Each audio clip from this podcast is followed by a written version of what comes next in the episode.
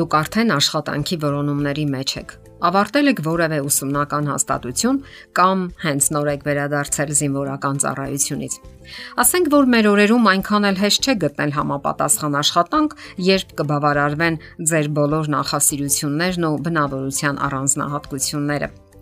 եւ այնուամենայնիվ երբեք պետք չէ հույսը կտրել։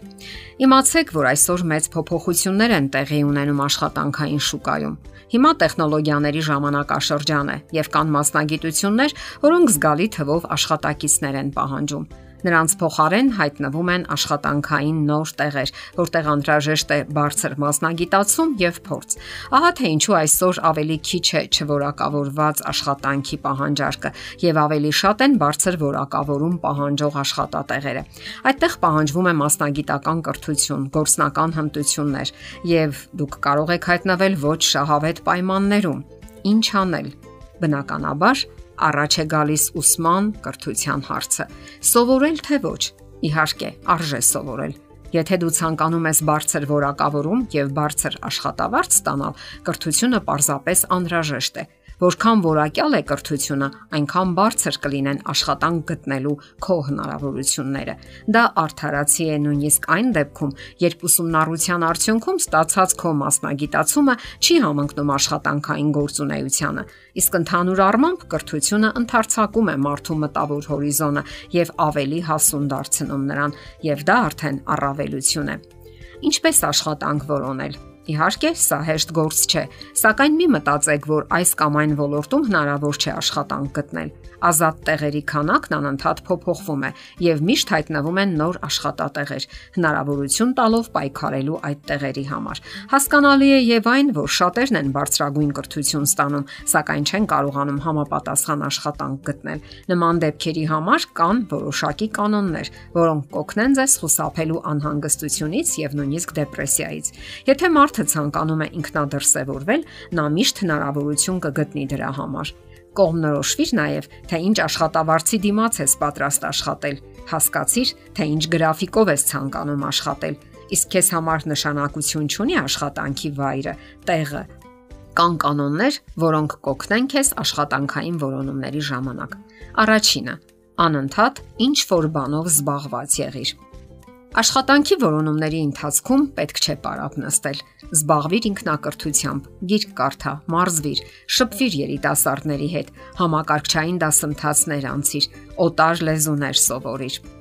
Երկրորդ կանոնը՝ դրական կենսաձև վարիր։ Ամեն ինչում եղիր դրական։ Ընտանիքում բարյացակամ փոխհարաբերություններ ստեղծիր։ Հետևիր առողջ կենսաձևի։ Դա կօգնի քեզ, հատկապես եթե նկատում ես դեպրեսիայի առաջին նշանները Դեպրեսիայի նշաններից են անտրամադիր լինելը, ուժերի անկումը, հետաքրքրության բացակայություն ամեն ինչի հանդեպ, ախորժակի բացակայություն, անքնություն, մեղավորության կամ անլիարժեքության զգացում։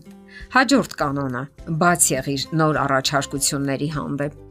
Կարող ես գտնել քո մասնագիտական կրթությանն ու ցանկություններին չհամապատասխանող աշխատանք թեկուս կարճ ժամանակով, այսպես ասած, կես դրույքով Դա կլցնի քո ասած ժամանակը։ Կլինես ավելի հավասարակշռված, կունենաս գումարային կայունություն եւ ապահովվածություն։ Այդ ընթացքում ունեցիր որոշակի դրամական խնայողություններ եւ մի դադարեցրու որոնումները։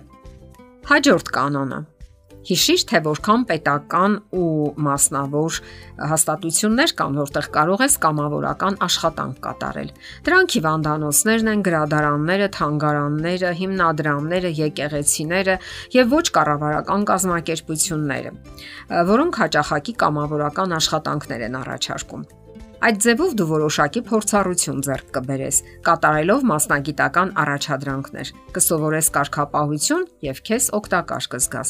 Միևնույն ժամանակ կշփվես փորձ ունեցող մարդկանց հետ եւ շատ բան կսովորես։ Երբեմն դա ավելի մեծ օգուտ է տալիս, քան վճարվող աշխատանքները։ Իմիջայլոց որոշ երկրներում կամավորական աշխատանքը համարվում է աշխատանքային առաջընթացի ոչ ված սկիզբ։ Եվ վերջինը, երբեք մի հանձնվիր շարունակիր որոնել։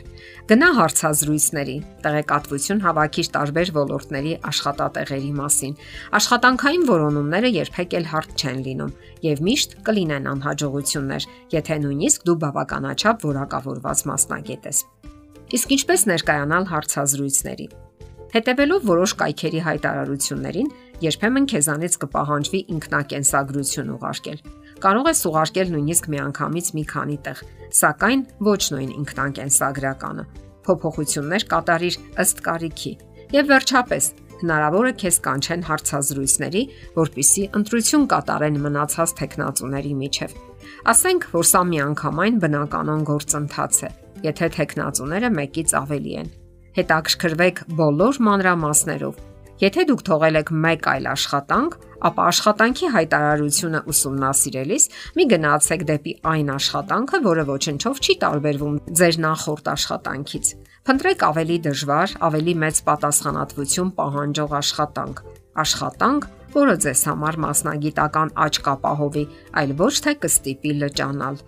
Մի համաձայնեք ցածր աշխատավարձով աշխատանքի, եթե նախորդ աշխատատեղում ավելի բարձր աշխատավարձ եք ստացել։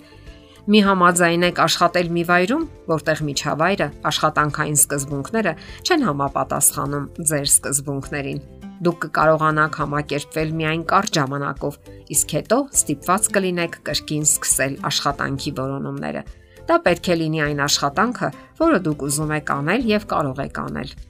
Դե ինչ, որոնումները սկսվել են։ Հավատացեք, որ ձեզ հաջողություններ են սպասվում։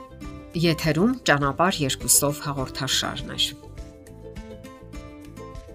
Հարցերի եւ առաջարկությունների համար զանգահարել 033 87 87 87 հեռախոսահամարով։